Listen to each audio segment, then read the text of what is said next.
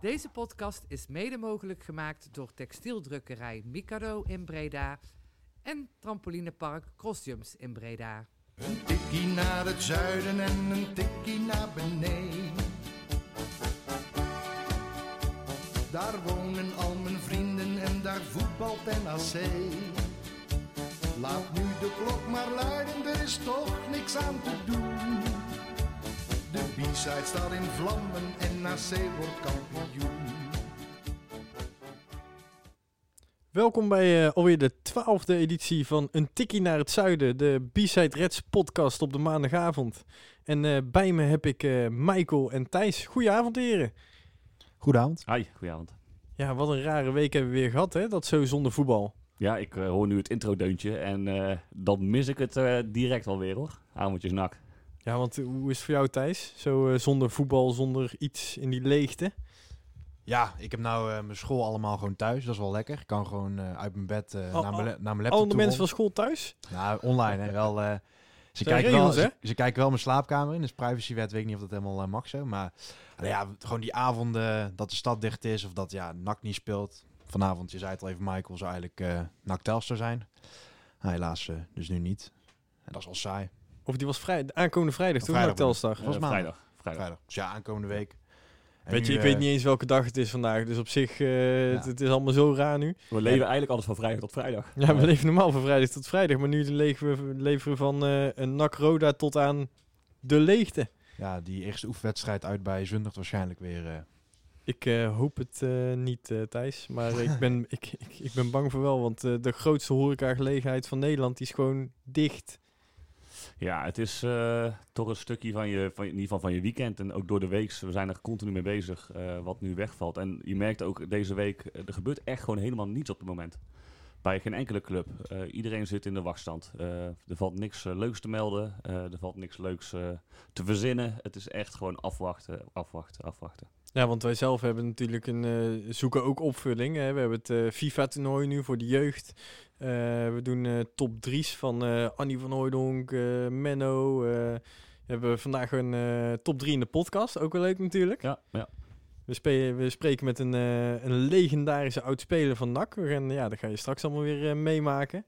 Maar ja, jij bent ook goed bezig geweest met wat content bouwen, Michael. Want jij hebt onze TD gesproken, Ja. Tom van der Belen. Ja, afgelopen vrijdag. Ik heb hem ook gezien. Op, eh, we hebben gebeeldbeld, dus eh eh, naar elkaar kunnen zwaaien. Hij zag er goed uit ook. Ja, zag hij hij goed was uit? Goed, was goed gemutst.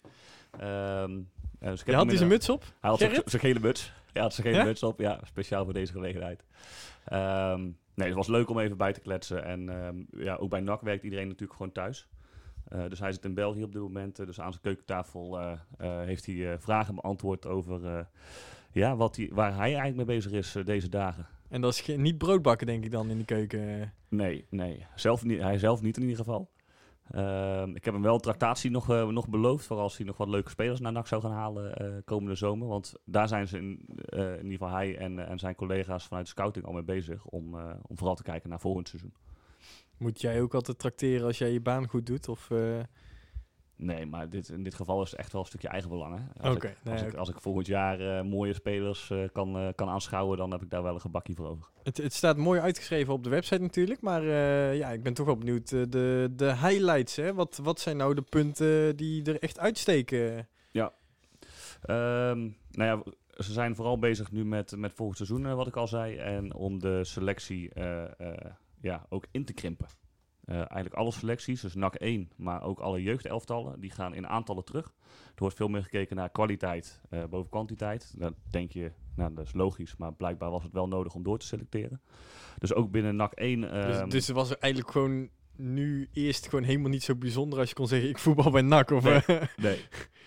Hoor jullie jeugdspelers? Jullie zijn gewoon mee. kwantiteit, Kwantiteit. Ja, opvulling. Er zijn elk jaar tot nu toe wel gewoon eh, een stuk of drie, vier jong NAC-spelers die dan gewoon ja, een beetje eruit rollen. Die hebben, die hebben al twee jaar dan geen zicht meer op echt profvoetbal, bij NAC tenminste. Nee. Maar dan spelen ze gewoon bij jong NAC nog erbij. En dan, eh, Ja.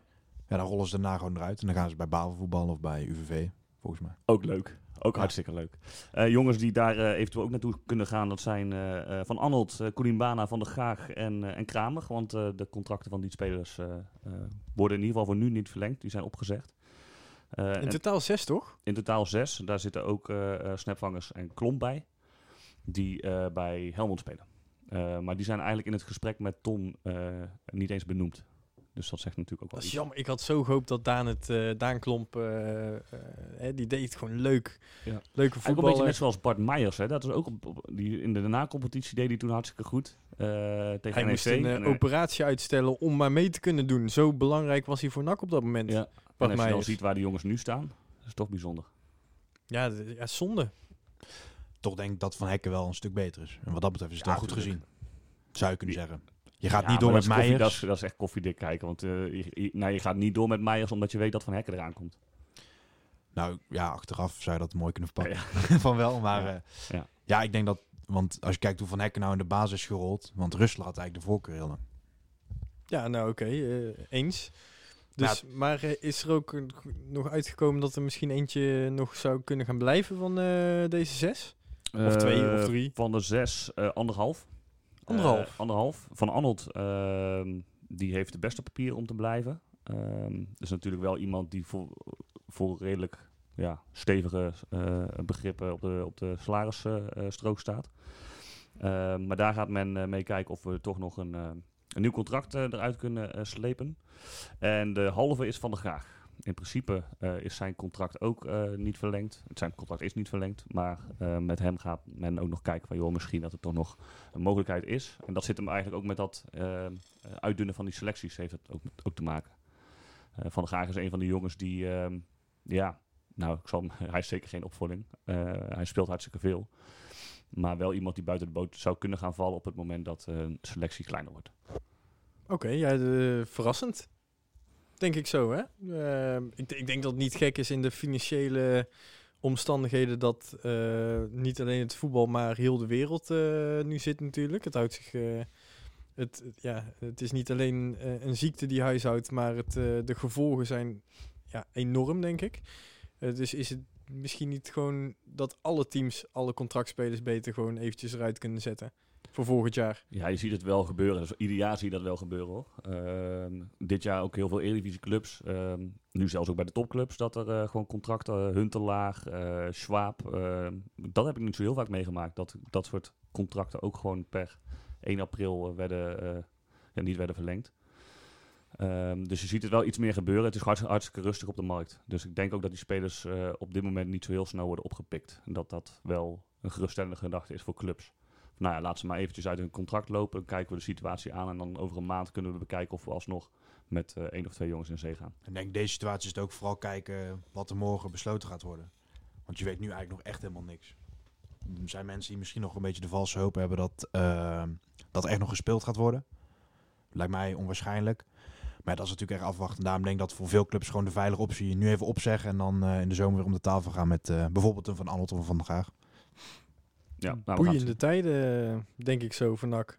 Ja, nou, waar ze in ieder geval eh, wel op terug kunnen vallen volgend jaar is Manchester City. Ehm, dat is ook een van de punten wat eh, naar voren kwam eh, in het gesprek met Tom. Maar na volgend jaar eindigt dat. En dat komt omdat de UEFA nieuwe richtlijnen heeft voor clubs. Zij Dus mogen volgend seizoen, om het goed te begrijpen, volgend seizoen is het nog wel actief ja, dan? na volgend seizoen eindigt. Na volgend seizoen. Ja, dus, eh, want eh, clubs mogen maar een x aantal spelers eh, vanaf dat moment verhuren aan andere clubs. Dat wordt echt drastisch bijgesteld naar beneden. Dus City kan simpelweg niet meer verhuren. Maar als je dat zo zegt, dan kan dat misschien wel een enorme kwaliteitsimpuls voor volgend jaar zijn. Want nu moet hij ze zoveel mogelijk goede spelers in de etalage zetten. Ja, dat zou kunnen. We moeten het gaan afwachten. De afgelopen jaren was het natuurlijk zo een soort van trend dat je zag dat er ieder jaar minder spelers van City naar NAC eh, toekwamen. En ehm, ja, weet je, als je kijkt ook afgelopen seizoen, dan is de bijdrage vanuit City ook echt minimaal geweest. Ehm, het zou kunnen dat het de laatste jaren alsnog eh ervoor gaat zorgen, door de reden die jij noemt, dat er heel veel spelers deze kant op komen. Dat zou eh, misschien een geluk bij een ongeluk kunnen zijn dan, eh, Thijs. Ja, want ik denk zeker in de KKD eh, heeft City jou wel heel veel te bieden. Ze hoeven niet eens, denk ik, de topgarnituur zoals een Ambrose Garcia, Angelino te sturen. Maar ja, iets beter dan Luca en Ivan, eh, iets ouder misschien, iets meer ervaren. Ik kan me herinneren toen ze die deal nog wilden gaan sluiten, dat er een, eh een Unal in één keer eh, bij ons op de stoep stond. Nou, die kon wel aardig ballen hoor. Ja, zeker. Ja, daarom alleen, ik vind wel, eh, de laatste jaren merk ik dat die grote spelers, zoals Adara Bioyo, Muric, ja, Muric dan in eerste instantie niet, die gaan toch naar de Championship of naar, de Spa naar Girona. En ik denk dat NAC, zeker de laatste jaar, gewoon echt eh, de, de C-garnituur heeft eh, gehad. Ja, daar moeten ze wel voor waken hoor, dat dat komend seizoen dan ook niet gebeurt. Ja, maar vorig jaar eh Pablo Maria hè, speelt nou toch verdienstelijk bij Arsenal. twee jaar geleden. Eh, even kijken, twee, jaar- is dat twee jaar geleden? Ja, Maria vorig was- jaar was het eh Fernandes, Luca en... ehm voor mij en Marie? Nee, Marie was in het, eh, het, ja, het gouden jaar is overdreven, want we werden ook maar 14 of zo. Maar Oh nee, verrek. Ja, je hebt helemaal gelijk. ja, met Angelino toen en zo. Ja. Dus vorig jaar was dat Karel ook al... eh, Metz. ja, die Karel wil niet van. City, maar...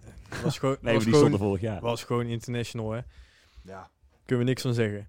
Oké, nou ja, eh, verrassend, interessant. Eh, er zijn nog meer punten die eh, uit het gesprek eh, voortkwamen. Ja, wat ik ook nog wel even wil aanhalen, want dat eh, is ook wel een interessante, is dat Jong NAC eh, ophoudt te bestaan in de huidige vorm. Eh, de KNVB heeft een nieuwe competitie in het leven geroepen. Dat is een competitie voor eh, spelers tot 21. Ehm, alle clubs die kunnen daar een team voor inschrijven. En NAC heeft ervoor gekozen om ook met een onder 21 elftal te gaan werken in plaats van Jong NAC. Dat zorgt ervoor dat de brug tussen eh, jeugd en het eerste elftal wordt verkleind. Nu Jong NAC, dat was een elf, ja, eigenlijk een samengeraapt team. Vreemdelingenlegioen. Ja, ik wilde bijna zooitje zeggen, maar ging iets te ver. Ehm, wat niet traint, wat inderdaad één keer per week of één keer per anderhalve week samenkomt om een wedstrijd te spelen. Het nieuwe onder 21 elftal wordt echt een team eh, wat eh, een vaste coach heeft, wat vaste trainingsmomenten heeft. ehm, en waar ook nog twee spelers voor worden gezocht. En dat zouden eh, linksbenige spelers moeten gaan zijn. Want dat zijn blijkbaar spelers die we op dit moment in de jeugdopleiding niet hebben rondlopen. Iedereen Maar is, het dan misschien ook niet een aderlating? Want eh, je kon geblesseerde spelers, spelers die een tijdje eruit waren geweest, eh, terug op niveau laten komen bij dat elftal. Dat kan wel, zolang je eh, tot 21 jaar bent. Ja, nou, de, de- dan kan het dus niet als je geblesseerd bent geweest. En Nee, hoe vaak is het voorgekomen, joh? Dat er Nou, echt een, een, een wat oudere speler eh, bij Jong NAC ritme opdoet? ja, we ouder, misschien rond de 22, 23, hè, de- dat soort jongens. Ja. Ja, ja, dat zal af en toe gebeuren. Maar toch denk ik als je over de hele lijn kijkt dat dit wel een goede beslissing is. Want denk dat de KVB toch een beetje met die beloftecompetitie in de maak zat. Want die wedstrijden waren over het algemeen niet om aan te gluren. Ja, bij NAC bijvoorbeeld zo'n Carolina, die speelt er dan, weet je wel. Die is eigenlijk, die speelt voor niks, de- gedemotiveerd. En als je dan als A-speler mag je af en toe daarbij meedoen. Dat is, dat is gewoon geen doen. En zeker met de sterke lichting die NAC nu heeft, die uit de A1 doorkomt. Ik denk dat zo'n vaste kern nou, waar ze gewoon lekker tegen leeftijdsgenoten, ook van hoog niveau als het goed is, kunnen voetballen. Dat zeker eh, gewoon een en wat mij ook wel bevalt is wat Tom zegt, dat ze de teams in, eh, in, eh, in de breedte dus wat gaan terugschroeven. En ehm, dat zorgt ervoor dat spelers gewoon heel veel minuten gaan maken. Eh, ze hoeven niet zoveel te wisselen, want ze hebben gewoon niet zoveel spelers. En op het moment dat er bijvoorbeeld in de onder 21 ehm, maar 14 man voorhanden zijn vanwege blessures, dan gaan de jongens van onder 19 die gaan met onder 21 mee. Hetzelfde geldt voor NAC 1. Op het moment dat NAC 1, want ook NAC 1 gaat qua aantal terug, dat daar een speler geblesseerd raakt, nou, dan zijn er genoeg talentvolle jongens in de onder 21 die dan op dat moment dat gat kunnen gaan invullen. Dat vind ik een goede, goede ontwikkeling. Ik had het gevoel dat je ook bij de onder 19, eh, ik denk dat je daar een kern had van 14 jongens. En dat je er nog drie bij die een beetje voor spek en bonen. En ik denk dat dat wel goed is om dat tegen te gaan. Dat je het, het algemeen niveau hoog houdt. Dat jongens vaak worden doorgeschoven. Dat bijvoorbeeld een goede speler van de B1 eh, sneller naar, bij de A1 aansluit. Ik denk dat het alleen positief is. Oké, nee, interessant. Het eh, werk van Gilles eh, eh, is helemaal omgegooid dan, denk ik. Ja, nou ja, er, staat, er is in ieder geval wel een visie. En ehm, een goed plan met spelers. Ze krijgen volgens mij ook goede begeleiding. Er wordt echt geïnvesteerd in, in een goede begeleiding van de jonge jongens. En je ziet het ook nu bij het eerste gebeuren dat er spelers doorkomen. En ik denk dat het ook heel belangrijk is dat Van Hekken... die wordt dan toch door de buitenwacht wel gezien als een jeugdspeler van NAC... ondanks dat hij er pas eh, twee jaar rondloopt. Eh, dat hij doorbreekt en dat hij een stap kan gaan maken naar de eredivisie. Het is altijd goed om, eh, om een paar van dat soort jongens te hebben. Maar is Van Hekken niet al doorgebroken? Bij NAC zeker. Maar op het moment bij het grote publiek, wellicht door de, door de Beker. KNVB-beker wel. Eh, als hij deze zomer een stap kan zetten naar een, naar een eredivisieclub en het daar goed doet met zijn leeftijd en nuchtere Hollandse Zeeuwse kop, gaat hij echt wel opvallen. En gewoon al gescoord in de Kuip, hè? Zeker, zeker. Nee, maar dat heeft de jeugdopleiding ook nodig. Dat er gewoon wat pareltjes zijn die het uiteindelijk gaan maken. Ja, nu is het eh, ja, vaak gewoon wat ik al zei, dat ze uitstromen. Of dat zo'n jongen een paar jaar, bijvoorbeeld bij NAC 1, een beetje op de bank, tussen bank en een jong NAC, zoals een Brusselers bijvoorbeeld. En uiteindelijk, ja, moet je gewoon wat, wel, ja, wat, wat meer specifiek op een paar talenten inzetten en die gewoon laten, eh, ja, laten ontwikkelen. En niet meer, zeg maar, zo'n legio, eh, ja, dat een jong NAC speelt, verhuurd wordt, dan weer weggaat. Helder. Er worden contract, contracten uitgedeeld. Eh, ook volgens mij eh, de laatste jaren niet zoveel gezien dat de jeugdspelers eh, contracten krijgen voor meerdere jaren. Dus dat, eh, ja, dat zegt ook wel iets. Oké, nou ja, helder. Ja, we- dat, dit kunnen we pas over twee of drie jaar beoordelen natuurlijk, hoe dit eh, zich uitpakt. Ja, uiteindelijk moet het ervoor gaan zorgen dat die spelers eh, doorbreken en voor een eh, mooi eh, bedrag uiteindelijk doorverkocht worden. Zoals Van Hekken hopelijk voor NAC een mooi bedrag gaat opleveren. Wat ook wel interessant is om te melden is dat Van Abelen aangeeft dat hij ook wel wat spelers wil gaan verkopen. Om een centje in het laadje te brengen van NAC om uiteindelijk in de toekomst, niet komend seizoen, maar het seizoen daarop, de jaren daarop, ook iets van een potje te hebben om nieuwe spelers zelf te kunnen kopen. Ehm, dus er zullen ook spelers weggaan. Ja, maar Kali krijg je niet eens verkocht. Nee, die zal niet weggaan. Ik, eh, ik. heb het van de week geprobeerd. Ik zei, je krijgt vijf pakken playpapier erbij. En eh, ik kreeg hem niet weg. Nee. Ja, ja het is toch, eh ik denk dat je dan toch wel aan eh Verschuren moet gaan denken. Misschien ook van Hekken. Die gewoon, eh, ja, voor een, die, die kun je voor een goede prijs verkopen. Ik denk dat dat voor andere jongens nog te vroeg is om echt geld voor te vangen. Maar zijn dat niet stiekem nu van het goed draaiende elftal dat we nu hebben? Hè? Het, het draait nu wel lekker. Eh, twee van je ruggraten. Ja, wat mij betreft wel. Alleen ik, ik, uit zijn uitspraak, en hij wil echt geld vangen, dan haal ik toch wel uit dat de jongens zijn. eh, en Michael benoemde het straks al even, dat, dat zijn wel jongens. Een Verschuren zal nu niet snel meer waard nog gaan worden.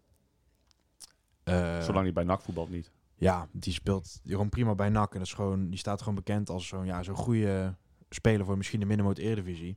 En als hij nou nog een goed seizoen in de KKD draait, dan zal dat zijn waarde niet per se eh, gaan beïnvloeden, denk ik. Nou, hij heeft zich nu wel bewezen als zijnde uh, potentiële uh, versterking voor een eredivisieclub. Dus daar ben ik het wel mee eens. En zo zijn er wel meer jongens die nu op een top zitten qua marktwaarde. Dat wordt natuurlijk allemaal in systemen bijgehouden en dat ziet Tom ook. Dus dat zijn de jongens die eh, op de nominatie staan om, uh, om deze zomer te vertrekken. Maar, maar zou Tom nou ook niet gewoon hele dagen lang voetbalmanager aan het spelen zijn op zijn pc'tje? Als ik hem was, zou ik dat sowieso uh, doen, ja. Laat die scouts maar lekker werken.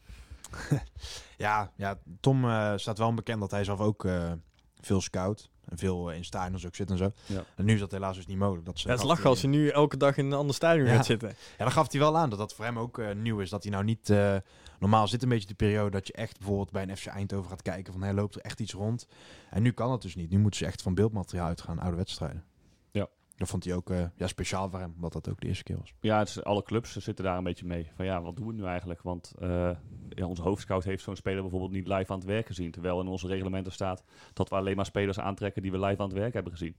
Breder dan nak, hè? Wat doe je dan als club zijn? Dan ga je zo'n speler wel of niet aantrekken. Dus eigenlijk willen wij ooit nog een profcarrière hebben, moeten wij voor een green screen, goede beelden in de. gewoon een green screen pakken en uh, gewoon heel erg ons best doen. Ja.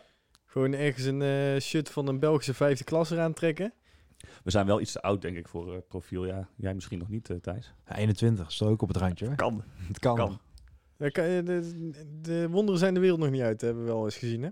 Ja, ik heb... Uh, als ik soms in de KKD een beetje rondkijk, dan denk ik van nou, misschien. Nou, ja. Daar kan ik ook wel mee. Nou. Ik hoop zo dat jij gewoon een keer mag meetrainen met een van die teams. En daarna ook heel de dag moet huilen in een hoekje. Maar zijn er nog uh, naast uh, dit... Uh, komen er nog nieuwe spelers bij of zo? Ja, namen heb ik natuurlijk niet. Ze zijn wel bezig. Ook Hiballa gaf aan in een interview uh, deze week dat hij al uh, gebeld heeft met uh, twee jongens die op de lijst staan. Um, er zijn lijstjes, maar de meeste spelers waar NAC geïnteresseerd in is, um, die, worden, die zijn deze zomer transfervrij, maar die mogen ze pas vanaf 1 april officieel benaderen. Dus meer dan lijntjes uitleggen en een zaakwaarnemer polsen gebeurt nu, nu, nog niet. Dus hij is uiteindelijk gebeld om te praten over stroedels en uh, dat precies, soort dingen. Ja ja, ja, Hoe het leven in Duitsland is. Ja, ja precies. Ja, nee, dus namen heb ik sowieso uh, er niet uitgekregen. Wel wilde Tom uh, loslaten dat er op dit moment wordt gekeken naar versterkingen voor drie specifieke posities in het veld. Waar hebben we dat eerder gehoord? Ja, afgelopen winter was men ook van plan om twee à drie nieuwe jongens te halen. Dat is toen niet gelukt. Um, er is één uitkoop uitkomen rollen. Wat vinden jullie van die aankoop? Tom Haaien. Ja. ik ben zeer muy contento met Tom Haaien. Alleen vraag ik me bij hem af of hij het zelf ziet zitten om nog een jaar in de KKD... eh, want ik Nou, denk hij dat... heeft in een telefonisch interview eh, anderhalf week geleden aangegeven dat hij het verschrikkelijk naar zijn zin had bij NAC. En dat het voetbal eh, ook belangrijk was nu. NAC Ja. wil wel. Dat heeft het om, eh, als het aan NAC ligt en NAC heeft de financiële middelen, dan eh, op dat moment gaan ze als eerste met Tom aan, de, aan tafel zitten. Om, eh, om zijn contracten rond te maken. Want als je echt een promotieteam wil samenstellen, is hij wel echt gewoon een hele goede speler. Ook goede leeftijd, weet je wel. Niet, niet te jong, wel gewoon ervaring in zijn benen, ook niet te oud. En wat dat betreft zou het eh, ja, een hele goede zijn. Ook mocht je nog onverhoopt pro- promoveren, wat natuurlijk kleine kans is. Onverhoopt. Onverhoopt promoveren. Dan, omdat er zoveel teams failliet zijn gegaan en wij nog overeind staan. Nou Om- omdat we de recess willen- hebben mogen delen in de We beker. kampioensfeestje vieren, laten we het daarop houden. Ja. ja, er werd geopperd om eh, het uit te vechten met eh, de periodekampioen en de top 2. En dat is natuurlijk niet de meest voor de hand liggende optie. Maar ja, een me- een mens mag hopen. Hè. Ja, weet je, op het moment dat er nog een wedstrijd gespeeld gaat worden, dan, dan is er voor NAC dus een kans om te promoveren. Want je gaat niet de competitie uitspelen, maar vervolgens geen promotiewedstrijden spelen. En daar gaat NAC er natuurlijk vol voor. En eh, dat is ook Ja, interessant. mag hopen. dat er met dezelfde selectie, ehm, eh, of men nu volgend jaar KKD speelt of Eredivisie speelt, dat ze zich richten op dezelfde spelers en dezelfde selectie. En die moet gewoon sterk genoeg zijn om ofwel kampioen te worden, ofwel eh, in de Eredivisie prima mee te kunnen draaien. Ja, hij gaf aan dat eigenlijk een, een Eredivisie zou, maar voor één of twee spelers erbij, zou dat eigenlijk zorgen. Ja. Maar dat, eh dat één sporenbeleid, Ja. dat dat wel aanhoudt. Dus dat je dus eigenlijk eh, ja, één groep houdt. Of je nou promoveert of niet, eh, dat dat de insteek is. Nou, ja, ja, ik, ja, ik heb zin om in voetbal, als ik het allemaal zo hoor. Maar ja, dat gaat nog We even moeten nog duren. even wachten, denk ik, ben ik bang. Moet nog even wachten. Wat verwacht jij morgen Morgen. met de uitspraak? Eh, ja, ik, voor- ja ik, ik ben bang dat we dit jaar niet meer gaan voetballen. Of ja, dit seizoen. En eh, de, het, het reële scenario ligt er ook dat er, als we het volgende seizoen starten, dat er zonder publiek tot aan de winterstop gespeeld kan worden. Zie ik ook als reëel. Ja, daar wil ik, daar wil ik echt gewoon niet over nadenken. Mogen wij dan wel komen als pers? Dit is een beetje een ro- roze olifant eh, verhaal. Hè? Ja. Eh, daar wil je niet aan denken, maar het gebeurt nu toch. Is de perstribune dan wel open, denk je? Nou, dat mag ik hopen, want ik schrijf hem overal in. Ja, Eh, dat, Ik dat ook. wil iedereen, denk Ja. ik, van ons. daar hebben we geen probleem hebben we mee. geen probleem met ik heb een paar keer van die eh, besloten wedstrijden mogen bijwonen bij eh NAC in eh, België. En eh, dat is niet leuk om naar te kijken. Echt niet. Ja, ik vind het Eh, op televisie al niks. Nee, maar het is verschrikkelijk. Als je, eh, toen was het, eh, hoe heet die ook weer?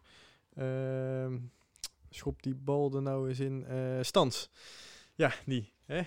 De liedjescompetitie. Onze Jeff. Onze Jeff.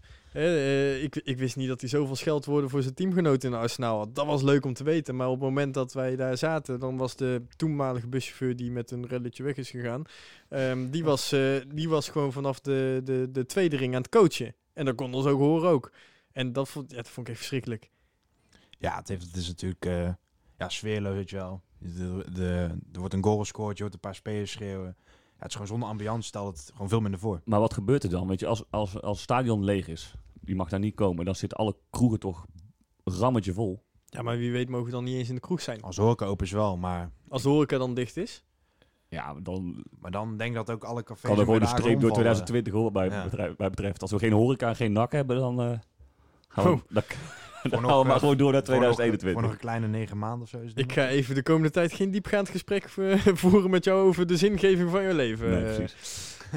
Maar eh, eh, ja, over zingeving gesproken. Ehm, we hebben ook nog een eh, top 3 klaarstaan. En eh, dit keer hebben we gebeld met eh, onze, ja, denk ik, fenomenale ja, jeugdherinnering.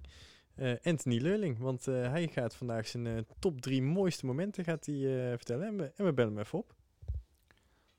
Lekker bellen met hem. Lekker bellen met haar. Nou, vanavond eh, door de lezers en de reageerders is er eh, ja, veel geroepen voor top 3's. We hebben al heel veel top 3's gehad. De, de bier top 3 van eh, Menno Bouwhuizen. We hebben de moeilijke namen top 3 van Annie van Hooydonk al gehad. Maar ja, de, verreweg de meeste stemmen bij, bij het reageren heeft toch de top 3 van mooie wedstrijden van Anthony Lulling gehad. Dus we hebben vanavond Anthony Lulling in de uitzending. Goedenavond.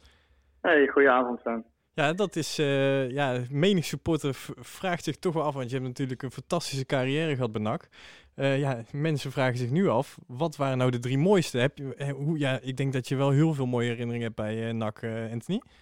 Ja, kijk, toen je me dat, toen je me dat vroeg, drie mooie momenten, toen dacht ik van ja, dat, dat, dat gaat bijna niet. Want ja, ik heb ook zoveel mooie momenten bij NAC meegemaakt. ja, misschien dat niemand dat zelfs meer weet, maar in mijn debuutwedstrijd voor NAC, eh, was in 2005 volgens mij uit bij Groningen, maakte ik in de, in de verlenging de winnende goal in de beker. Dat was mijn debuutwedstrijd. Dat was op zich wel leuk. Eh, alleen dat jaar was niet zo best. Eh, het jaar dat ik terugkwam eh, bij NAC, eh, dat we gelijk de derde plaats haalden, was natuurlijk een fantastisch jaar. Eh, alleen eindigde dat wel in mineur. Natuurlijk dat je eh, de play-off wedstrijden er niet één kon winnen.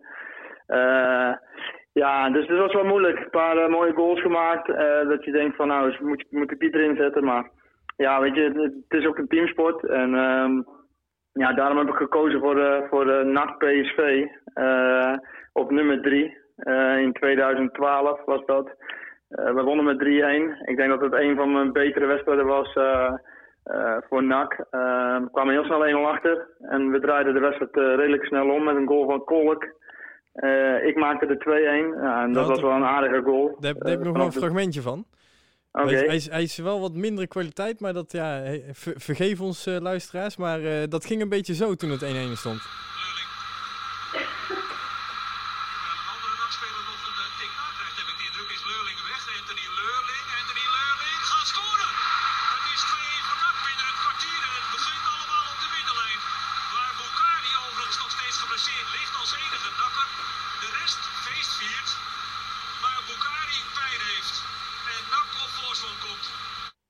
Want dat was, dat was een knotsgek kwartier, die, die wedstrijd. Het begin alleen al. Ja, dat eh, zeker. Ik weet nog dat het een wedstrijd was eh, waarin voor PSV heel veel druk stond. Die hadden al twee keer van daarvoor verloren. En eh, na die wedstrijd werd, werd Fred Rutte ook ontslagen als trainer.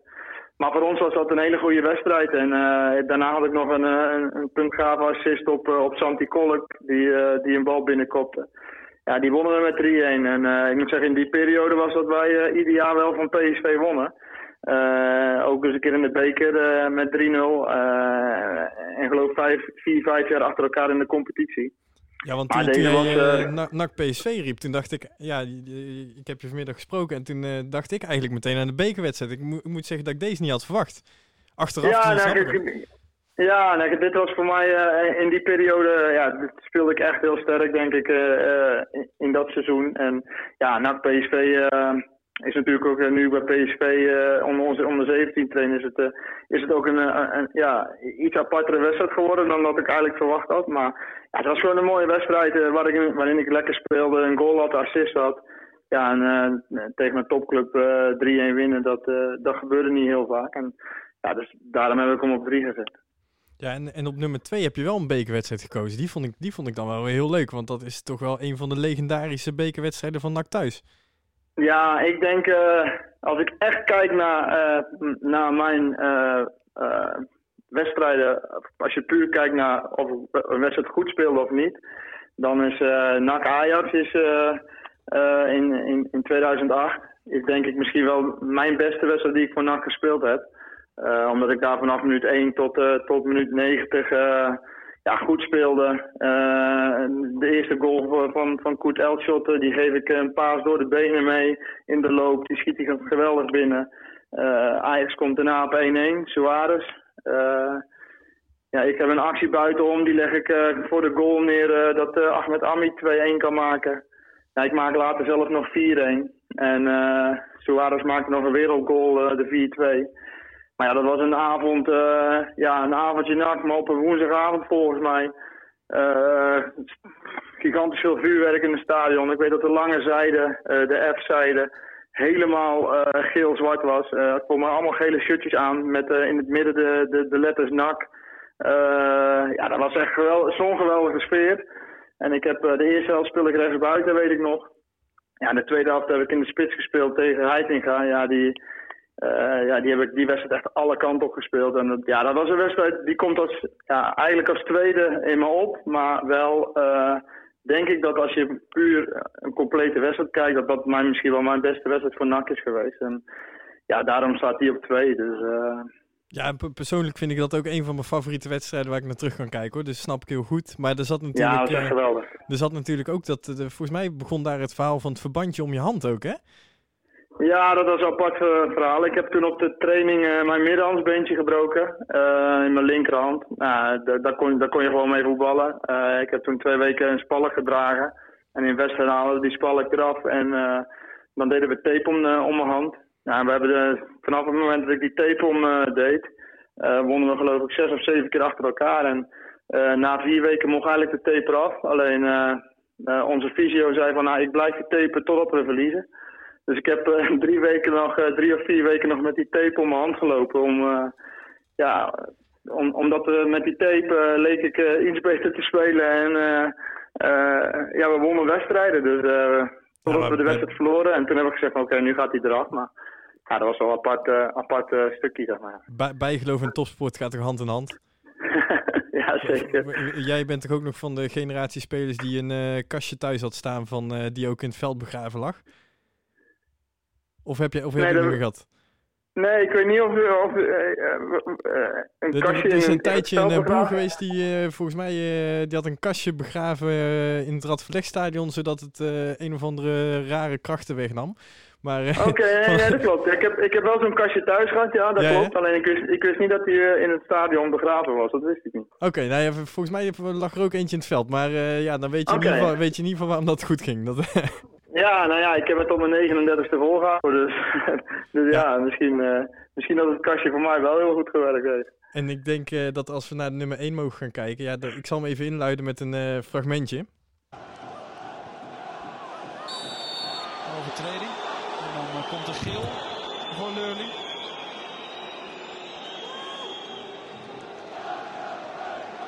Oeh, smerige overtreding hoor. En dan is het bijna de vraag waarom er maar geel wordt gegeven. Ik denk dat als je naar dit, eh, dit fragment hoort als, als NAC-supporter zijnde, dat je weet dat je vanaf dat moment de 40 mooiste minuten voetbal in het Radverlegstadion hebt gezien. Denk je dat, eh, dat daar veel supporters het mee eens zijn? Ja, dat denk ik wel. Daarom is, kijk, hij staat bij mij op één. Ehm, wat ik net al zei, bij Ajax was het echt gewoon een complete wedstrijd. Dat ik van minuut 1 tot minuut 90 goed speelde. Eh, tegen Roda, eh, de 5-3, is eh, natuurlijk eh, voor mij een wedstrijd die altijd op één zal blijven staan. Omdat en het belang van de wedstrijd gigantisch groot was. Ja, en vanaf minuut 60 eigenlijk, na deze overtreding, waarin ik heb geluk gehad eh, bij een VAR nu. ja, dat wil ik net zeggen, dan had je waarschijnlijk mogen inrukken. ja, dan was ik waarschijnlijk na minuut 60 eh, de douche ingegaan en, en, en was de naam Messi Breda van Breda nooit gekomen. En was die dag heel anders gelopen. Alleen goed, toen was er nog geen VAR. Ja, dat was een signaal. We stonden 3-1 achter en eh, we hadden het hartstikke moeilijk tegen Roda. Eh, het was een eh, zondagmiddag eh, warm. Ja, en er hing een bepaalde loomheid over de ploeg. En eh, ja, iets in me zei me van, eh, je, ja, eh, deel even een schop uit, want er moet wat gebeuren in, eh, in het veld. En eh, een opstootje of weet ik veel wat. En ja, goed, het was niet de bedoeling om hem eh, eh, te, te, te blesseren. Alleen wel even een sein te geven. Nou ja, dat moeten aanvallers eigenlijk niet doen. Want eh, dan ziet het er altijd heel, heel slecht uit. En ja, ik had geluk dat ik geel kreeg. Maar vanaf dat moment ja, gebeurde er wel wat met het elftal. Het leek wel of, ja, of sommige spelers wakker werden. het loomheid ervan afgooiden. Bij mezelf was het ook zo. Nou goed, de bal van mij op, op Rick de was daar gelijk achteraan. Dus waardoor je weer terug in de wedstrijd kwam, 2-3 maakt. Ja, goed, en toen... eh, Ja, de, Ja, de 3-3 eh, die, eh, die kan je honderd keer opnieuw kijken, denk ik, hè?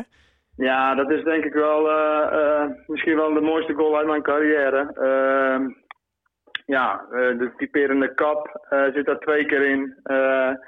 Ja, en, en het schot was zo hard. Er zat zoveel venijn achter. En als je de herhaling achter de goal ziet, ja, hij kan bijna niet, niet meer verder in het hoekje. Ja, en dat was de 3-3. En eh ehm, ja, jij hebt mij vanmiddag de samenvatting gestuurd. Die heb ik nog een keer gekeken. En je ziet ook brood naar achteren vallen. Zo van eh, 3-3. ja, en die, je voelde aan alles dat, eh, dat wij die wedstrijd gingen winnen.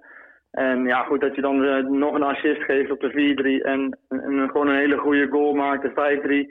eh waarin de keeper er nog net aan zit. Ja, weet je, ik was 36. eh, speelde 7 jaar bij NAC. Eh, het was zo'n belangrijke wedstrijd. Het was eh, of degraderen, tenminste degraderen, of play-off degradatie spelen, of veilig zijn. ja, als je dan zo'n wedstrijd eh, twee goals, twee assists van 1-3 naar 5-3 om kan draaien. En daarmee het elftal redt voor play-offs.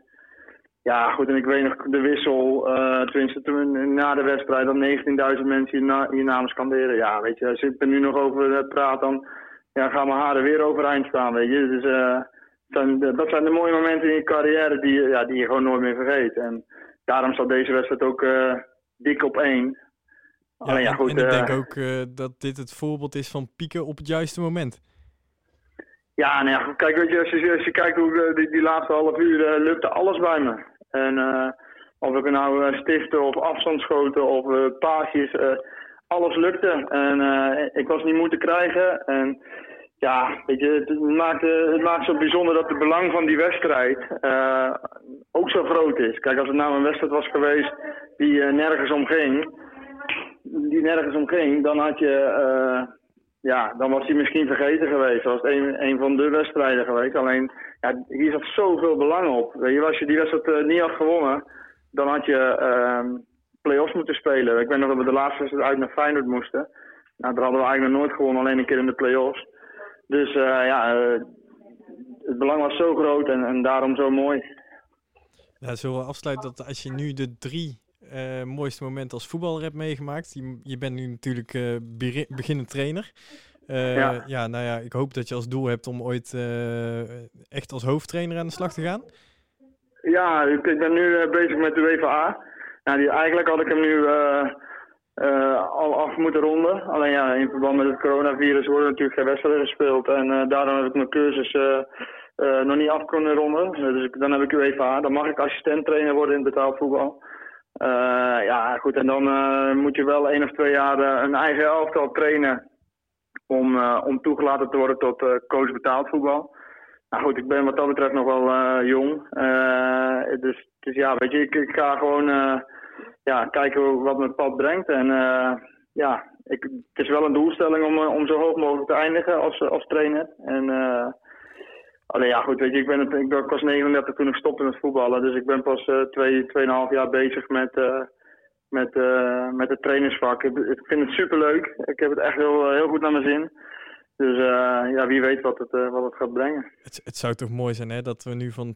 Dat, toen je bij NAC kwam, toen was het... Hè, je carrière liep een beetje alle kanten op. En bij NAC was het gewoon één groot succes. Ehm, Ja. En het zou toch mooi zijn als de trainerskerk of ook een keertje zou eindigen... en dat je gewoon jarenlang een succes zou kunnen zijn bij NAC. Ik, ik teken ervoor. hè. ja, wie weet. weet je, is, eh, kijk, NAC, eh, daar, hoef ik niet om, omheen te draaien. Eh, er zijn voor mij twee clubs in mijn carrière als voetballer geweest die gigantisch belangrijk zijn geweest. Dat is één FC Den Bosch, daar is alles begonnen. Vanaf mijn derde heb ik daar rondgelopen. In de elfde kwam, mijn elfde kwam ik in de jeugd. Mijn debuut gemaakt in betaald voetbal. Maar mijn mooiste zeven jaren zijn absoluut bij NAC geweest. En ik kom er nog steeds eh, regelmatig en graag. En, eh, dus ja, tegen dat, daar zeg ik nooit nee tegen. En, eh, alleen ja, goed, je weet in een, eh, in een voetbalcarrière, maar ook in een trainingscarrière, weet je natuurlijk nooit hoe het gaat lopen. Het moet allemaal op het juiste moment op je pad komen. Dus ja, en daar, ja, weet je, kan ik geen zinnig woord over zeggen. Alleen het gevoel met de club is, ja, is er nog steeds en dat zal altijd zo blijven. Nou, als we dan toch over dromen hebben, dan sluiten we nog af met een klein, klein fragmentje om gewoon het goede gevoel vast te houden. En dan hopen we dat dan dit toch misschien wel het toekomstbeeld is. Oké. Leurling. Wat is hij weer belangrijk? Daar gaat hij alweer. Leurling. Weer zelf. Hij doet het nu schitterend. Hij doet het schitterend. Het is de wedstrijd van de 36-jarige Anthony Leurling. Zijn tweede doelpunt. En het is weer zo mooi. Hij gaat op de schouders. Ik denk dat het hele radverleg van het stadion hem wel op de schouders wil nemen. Hij is het levende bewijs dat je voetballers nooit te vroeg af moet schrijven. Ja, en toch denk ik zo dat dit over 20, 30, 40 jaar nog steeds een van mijn, ja, ik denk de favoriete speler gaat blijven eh, die bij NAC heeft gevoetbald voor mij. Ja, ik eh, zelf eh, heb een seizoenskaart voor NAC eh, sinds het jaar dat we tegen Top Os, maar ja, ten nauwe nooit de play-offs overleefden. Met eh, nog goals van Diba toen. En eh, ja, vrij snel daarna kwam Leurling eigenlijk al terug voor de tweede termijn. En toen werden we derde. Dus voor mij, ja, ik ben een beetje ja, in nak gegroeid eh, ja, met Leurling en Pennis, dat soort eh, figuren. Maar dan zeker is Leurling wel een van de meest memorabele spelers. Omdat hij ook echt... Uh, Pennis was betrouwbaar, maar Leurling die deed ook ja, de mooiste dingen eigenlijk. Dat je echt dacht van, zo dat die bij NAC speelt. De Messi van Breda, Michael. Ja, heerlijke voetballen. Maar ook wat denk ik ook meespeelt, is dat het ook gewoon een geweldige vent is. En als je ook hoort hoe hij net weer eh, over NAC praat, eh, hoe mooie herinneringen hij de- ook aan de club heeft. Het is gewoon één, ja, één groot warm gevoel wat je bij zo'n man eh, krijgt. En eh, dat helpt ook echt wel mee om ervoor te zorgen dat hij eh, hoog aan het lijstje staat bij eh, menig NAC-supporter, Ja, denk en, het grappige is, is dat iedereen eh, die eh, niet voor NAC is, zeg maar, en eh, tegen NAC moest spelen met Leuding erin, die hadden een scheidhekel aan hem. Gewoon omdat hij kon, kon etteren, zagen, leuren en, en scoren. Ja. Het was de meest verschrikkelijke tegenstander die je kon treffen. Maar voor mij blijft het de, de, de ja, warmste en mooiste voetballer die we hebben gehad. En, en ja, de mooiste momenten heb ik met hem meegemaakt, zeg maar. Ja, hij heeft natuurlijk ook wel een goede, fijne tijden bij NAC gespeeld. Eh, als je dat vergelijkt met nu, ja, dat vergelijk moet je eigenlijk gewoon simpelweg niet maken. Eh, het is ook een hele andere tijd geweest. Ehm, maar ja, dat soort spelers zie je niet zo heel veel meer, hè?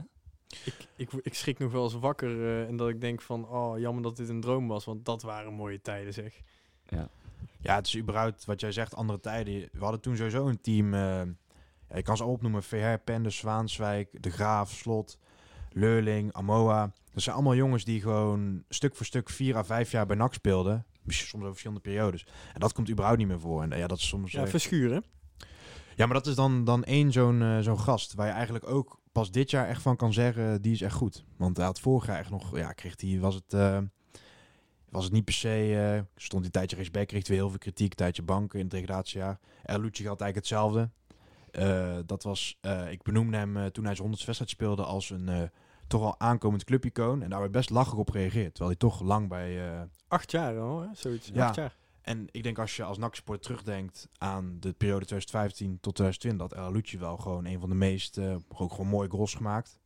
Ja, even alleen, terug. Alleen als je gewoon terugkijkt naar Leurling.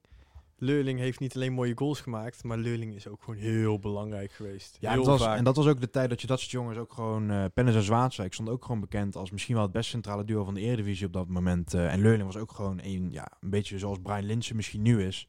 Die speelde niet beschermd bij de top 3, maar dat was wel gewoon een van de beste spelers uit de Eredivisie in zijn, in zijn goede jaren. Echt eh prime jaren. Ja, het is ook wel grappig als je de vergelijking maakt eh, hoe het nu gaat met, met toen. Ehm, je hebt natuurlijk social media en, en spelers die zijn echt heel professioneel bezig met hun vak. En eh, ik zie het meer als individuen die samenkomen om samen dezelfde sport eh, uit te oefenen. Als je dat vergelijkt met het team wat het toen was, dat was echt gewoon bijna een vriendenclub. Zo kwam het in ieder geval over. Eh, mouwen opstropen, werken voor elkaar, eh vuile klusjes opknappen voor elkaar. Ehm, en, eh en Lurling die dan eh, heel vaak kon excelleren. Ja, en ik, ik kan me die afscheidswedstrijd ook nog goed herinneren. Toen hadden we persdienst. Nou, de bar was open vanaf voor de wedstrijd. Maar eh, toen wij... 20 man op de pers Ja, voor twee dat was dat echt geen hond. Maar het mooie was dat je het veld naar opliep naar die wedstrijd. En ja, we hadden wel wat biertjes meegestolen uit, uit de persruimte. Ehm, en eh, het eerste wat hij doet is een biertje van je afpakken, dopje eraf tikken en eh, een biertje opdrinken. Weet je, dat, dat zijn de spelers. Dat, dat, die, ik zou niemand kunnen noemen in de selectie van nu die dat zou kunnen doen. Maar het zegt ook wel iets dat hij toen hij was gestopt. eh, toen is hij bij FC Engelen gaan voetballen op amateurniveau. Ehm, hoe erg dat hij daarvan genoot. Hij moest, ik kom uit die streek, dus hij moest tegen, tegen mijn amateurclubje moest hij voetballen. Eh, met eh, aardig wat supporters eh, voor amateurbegrippen achter de goal om te proberen de boel met je te treiteren. Nou, natuurlijk gaat iedereen richt zich op Leurling. Ja, die geniet daarvan. Je ziet hem echt gewoon lachen en je ziet hem onze spits, want hij speelde dan als laatste man in die fase. Een beetje op zijn enkeltjes trappen, maar ook tegelijkertijd weer knuffelen. Hij doet het op zo'n manier dat iedereen het hem ook laat doen. En het is gewoon allemaal, ja, het is, het is zo'n fijne vent wat dat betreft. Je, gunt hem, je gunt hem echt alles. Thijs? Ja, ik sluit me daar wel bij aan. Het is gewoon, eh, en wat, wat jij al zei Sven, die tijd is een beetje wel... Ja, dat heb je nu niet meer echt met spelers, die binding. En ook het gevoel dat zij echt echte nakkers zijn. Met Verschuren en Alucci heb ik dat wel, maar ik heb ook het idee dat die ook ieder moment kunnen vertrekken. Verschuren misschien iets meer. En ik was, ja, ik, het was bij, bij jongens als, als Pennis en Zwaanswijk er eigenlijk, ja, toen was NAC zelf ook natuurlijk beter. Maar toen kon ik me niet voorstellen dat ze NAC zouden verruilen voor een andere club in de Eredivisie. Want voor PSV en Ajax waren ze te oud. En ja, ik zou, toen gingen NAC spelen niet naar Heerenveen en Groningen en zo. Terwijl Nou, bijvoorbeeld een Bottegien daarna, die deed dat bijvoorbeeld wel. En toen is het eigenlijk een beetje begonnen. Maar Ja. als je, als je kijkt naar de momenten, hè, eh, de Leurling heeft net zijn top 3 moment opgenoemd. Wat, wat is dan jouw moment? Ehm, Misschien ook wel leuk om te, me- met Leurling. eh, gewoon met, dus ik bedoel, mijn favoriete moment met Leurling erbij. Ja, bijvoorbeeld. Ehm, ja, ik weet wel de Ajax eh 4-2 toen. Met die mooie goal met dat eh, om zijn hand heen. Toen was ik nog heel jong. Dat was heel ja, imposant op mij. Ook met al die fakkels op de tribune. En eh, ja, natuurlijk die, wedstrijd tegen Roda. Omdat ik toen echt eh, van overtuigd was dat we eigenlijk gewoon ja, eraf gingen. En dat we echt competitie zouden gaan. En Leurling speelde toen best wel een kutwedstrijd. Dat wij allemaal schelden op hem. Misschien, ja, moet hij nou niet uitgehaald worden?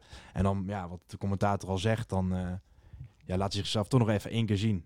Dat is ook wel heel eh, ja, imponerend op mij geweest. Ik, ik vond wel, dat wist ik helemaal niet, dat, dat hij dus had ingegeven kreeg van de trainer. Van hè, schop even iemand, iemand onderuit.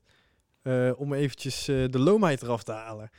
En dat vond, dat vond ik wel, dat, dat is een detail, die dat, wist ik ja, niet. dat gebeurt al vaker hoor, in het, eh, in het voetbal. Dat je inderdaad, eh, of dat je meteen als je uit de kleedkamer komt, dat je met elkaar afspreekt. Oké, laten we in de eerste minuut even een goede overtreding maken. Om te laten zien dat we er weer zijn. Als je met 2-0 voor staat bijvoorbeeld, dat je de tegenstander geen kans wil geven. Maar ook om een wedstrijd gewoon even volledig te doen kantelen of het vuurtje aan te stoken. Ja, dan eh, weet je Ja. bij, bij NAC in dat, dat elftal wel wie je die opdracht moest geven. Ja, maar dat had gewoon rood moeten zijn toch, of niet? Ja, nou ja, toen had je geen VAR. Ja, gelukkig niet. Dat zei eh, Ja. Anthony ook al. Want als er VAR was geweest, had hij op de tribune gezeten. Had hij heel vroeg mogen douchen. Ik En, heb ook wel eh, een beetje het gevoel, Leurling was een beetje het la- de laatste toen van die wat oude generatie. Ik had het idee dat dat vroeger met Penders en Zwaanswijk eh, veel vaker gebeurde, dat soort tikken. En dat Leurling eigenlijk als eh, ja, de laatste van die generatie dat ook nog even uit. eh, want ik zag niemand anders dat inderdaad doen eh, op dat Ja, als moment. verdediger kom je natuurlijk veel vaker in een situatie dat je dat eh, eh, sneaky kan doen. Net even te laat, ho, een enkeltje meepakken. Ja. Ehm, dus misschien had hij niet helemaal de positie. Maar inderdaad, dat moment Roda, dat is wel eh, eh, bij mij ook stip, stip op één. Wa- Wat is... Ja, dat, is jouw stip. Ja, wil ja. net vragen, wat is dan jouw Ja, nummer 1? nee, ja, kan wel, kan, dan moet ik iets gaan verzinnen eh, wat daarachter komt. Maar dit is echt Roda. En, en met name die, die, die laatste goal. Dat, dat je dat, ja... Weet je, soms dan heb je van die momenten. we hebben ook allemaal op een voetbalveld gestaan. Dat je in een wedstrijd dat ineens een paar dingen lukken achter elkaar. Waarvan je denkt van ja, hoezo lukt dit mij? En dan allemaal ook nog eens in één, in één wedstrijd. Eh zulke wedstrijden speel je misschien eh, één of twee keer in je carrière. Dat je eh, zoveel achter elkaar eh, soort Ja, van... zo, zoveel zelfvertrouwen ook in die laatste acties, hoe die mensen passeerden. En dan Ja. uiteindelijk die kippen nog ook nog eh, Het leek wel of dat de rest... stil- Ja, Lulling was niet de snelste, maar het leek echt wel dat hij de rest eh, echt gewoon eh, op het gemakje voorbij rende, zeg maar. Ja. Ja, echt groot. Ik, ik heb twee, twee momenten waar we eigenlijk Lulling altijd zou herinneren. Misschien wel drie. Eh, en twee daarvan zijn niet voetbal gerelateerd. En dat is, ehm, eentje daarvan is na zijn eh, afscheidswedstrijd. eh, heb ik nog een hele mooie foto van. Die heb ik nog ergens. Ehm, toen eh interviewde ze zijn zoontje. omdat hij meespeelde, zeg maar. Hoe trots dat hij was, zeg maar. Dat dat, dat, dat voor hem georganiseerd was. Dat zijn zoontje in de aandacht stond. Eh, dat blijf ik me altijd herinneren. Ehm, en eh, ik kan me ook nog een keer herinneren dat ik in eh, het Koffertpark op de tribune zat in de return eh, van ehm eh, NAC tegen NEC voor de promotie. En toen zat ik naast hem op de perstribune. Ehm, ik weet dat ik het laatste kwartier van de wedstrijd met billenknijpen heb zitten kijken. Want op het moment dat ik in een vijandig vak zit en er zitten fanatieke supporters om me heen, dan weet ik, oké, als mijn club scoort moet ik niet juichen, want anders krijg ik gezeik. Punt. Zo werkt dat. Dat was natuurlijk heel moeilijk als je voor promotie speelt. Dus ik had zoiets van, dit wordt mijn ultieme uitdaging van niet juichen, maar in mijn hoofd helemaal gek worden. Nou krijgt die penalty. Ik denk van, nou fijn, hè? dan kan je je voorbereiden op het doelpunt. Dus dan heb je van binnen al een beetje gejuicht. Kan je dat doen? Ik zat naast Anthony Leurling. Ik zei nog, ik ga niet juichen. Wat gebeurt er? Dat doelpunt valt en het eerste wat hij doet is juichen, springen en me vastpakken in dat juichen. Dus ik denk twee dingen tegelijk. Ik denk, één, die mensen voor me kijken heel erg boos naar me en ze zijn twee keer zo groot en twee keer zo sterk als ik ben. En de andere keer, moment dacht ik van, wauw, ik sta te juichen met Anthony Leurling op het doelpunt van NAC. Dus dat, dat zal mij altijd bijblijven. En, en En dat je bent is, er nog. En ja, ik Je ben er nog. Nou, we hebben, er stond wel beveiliging vanaf de 75 minuut. Maar hè, dat was de persoon Andy Lulling. Hij was eh, naast sympathiek de uitstraling, is hij ook echt sympathiek. En dat Ja. vind ik zo mooi om te zien in een voetballer. Ja, Vind ik er-. Er zit geen, eh, geen, geen eh, enkel stukje toneelspel bij. Nee, Dit is gewoon hoe die Ja, is. En is het- echte hij is, hij is ook gewoon speler. zoals de supporters ook zijn. En dat maakt dat die, dat die binding eh, gewoon tussen die twee groepen, of tussen die groepen, supportersgroep en, en Lulling gewoon zo goed is. Weet je wat mij ook opvalt eh, de laatste weken, hè, sinds dat het stil is gevallen eigenlijk? Ehm, wij krijgen eigenlijk heel veel leuke suggesties vanuit onze reageerders om eh, ja, de leegte te vullen. Hè. We hebben bij de top 3 hebben we al vaker aangevraagd van laat even weten als je Ja. een leuk idee hebt. Nou, ehm, ze komen echt. Ik heb, ik heb een, een, een shortlist en een longlist staan met top 3's van mensen. Waarvan ik denk van nou ja, wauw. eh, echt hoe superleuk bedacht. Ja. Zo hebben we ook eh, eh, de opname van net natuurlijk kunnen maken. Ehm, ja, ik spoor dit alleen maar aan. Want hè, laat die creativiteit maar vanuit de supporters zo komen. Want wij kunnen alleen maar mooie content maken. Ja, ja, voor ons is het ook gewoon heel erg eh, zoeken op dit moment naar, eh, naar content en naar nieuws. Eh, je moet natuurlijk wel iets melden wat, wat een lezer graag wil, wil, wil lezen en niet maar iets publiceren, gewoon puur om het publiceren. Maar er komt nog wel wat aan, Thijs, deze week. Ja, ik heb vandaag met de Filipovic gesproken. Dat was nog wel een uitdaging, want hij zat tegen Slovenië en zijn bereik was niet al te best. En zijn Engels is niet al te goed. Maar ik vind dat uh, ja, is nog niet echt in de media gekomen na zijn vertrek. Terwijl het voor velen toch wel eens een verrassing kwam. En daar, ja, daar heb ik het even met hem over gehad. En ook uh, over zijn tijd bij NAC. En uh, ja, ik kan alvast verklappen dat, hij, uh, dat er geen haatgevoelens meer zijn tussen hem en de club. Hij was heel teleurgesteld. Maar hij, ja, hij kijkt wel met, ja, met heel veel geluk gewoon terug naar die mooie NAC-momenten die hij toch wel heeft gehad. Zo zoeken en speuren we naar, naar nieuws. Ja, maar bij deze ook gewoon gelijk een oproep hè, aan Ja, onze, zeker, onze, zeker. onze trouwe volgers en luisteraars en, en, en reageerders. Um, ja, weet je iets? Uh, we hebben, je, kan, je kunt ons mailen. Uh, we zijn overal bereikbaar. Twitter ons of, uh, of maak een reactie. Want op het moment dat het leuk is en wij kunnen er iets mee, dan doen we er ook iets mee. Dan doen Ja. we er zeker iets mee. Ja, weet je, de, de periode tot... eh, ja, we weten niet tot wanneer eigenlijk. We moeten een periode vullen, maar we weten niet tot, tot wanneer. We weten niet wanneer een balletje weer gaat rollen. We weten niet wanneer er eh, echt weer iets te melden valt. Wanneer een trans transferwindow eh, losbarst.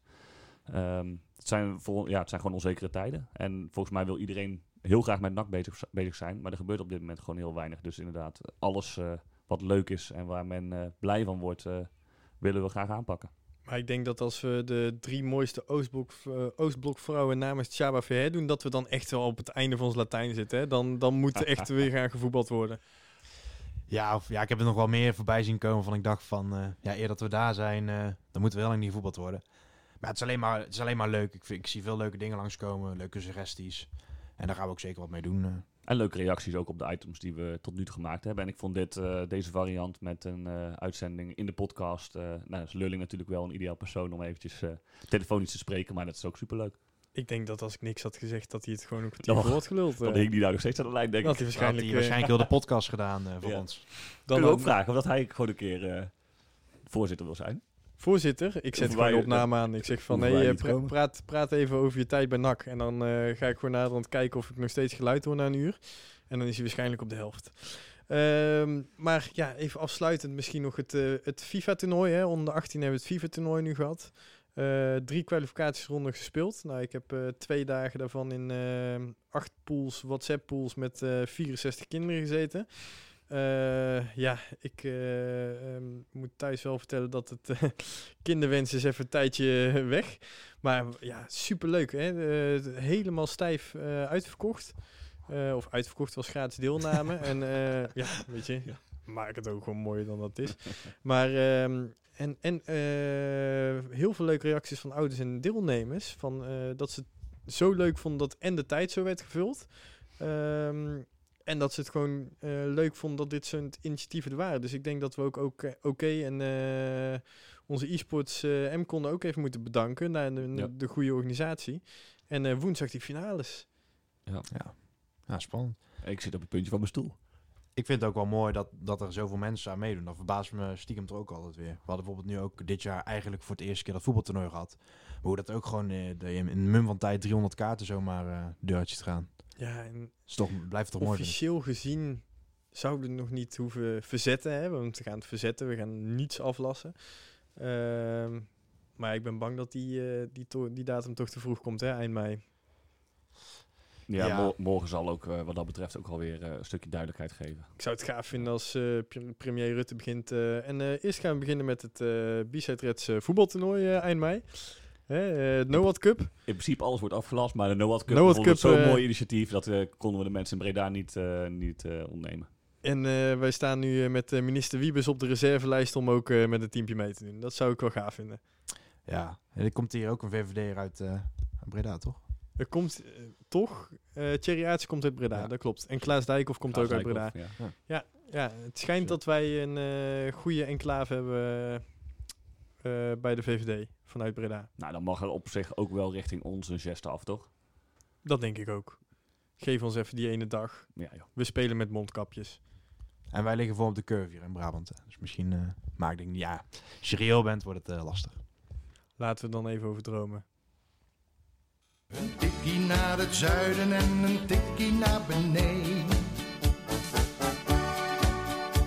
Daar wonen al mijn vrienden en daar voetbalt NAC. Laat nu de klok maar luiden, er is toch niks aan te doen.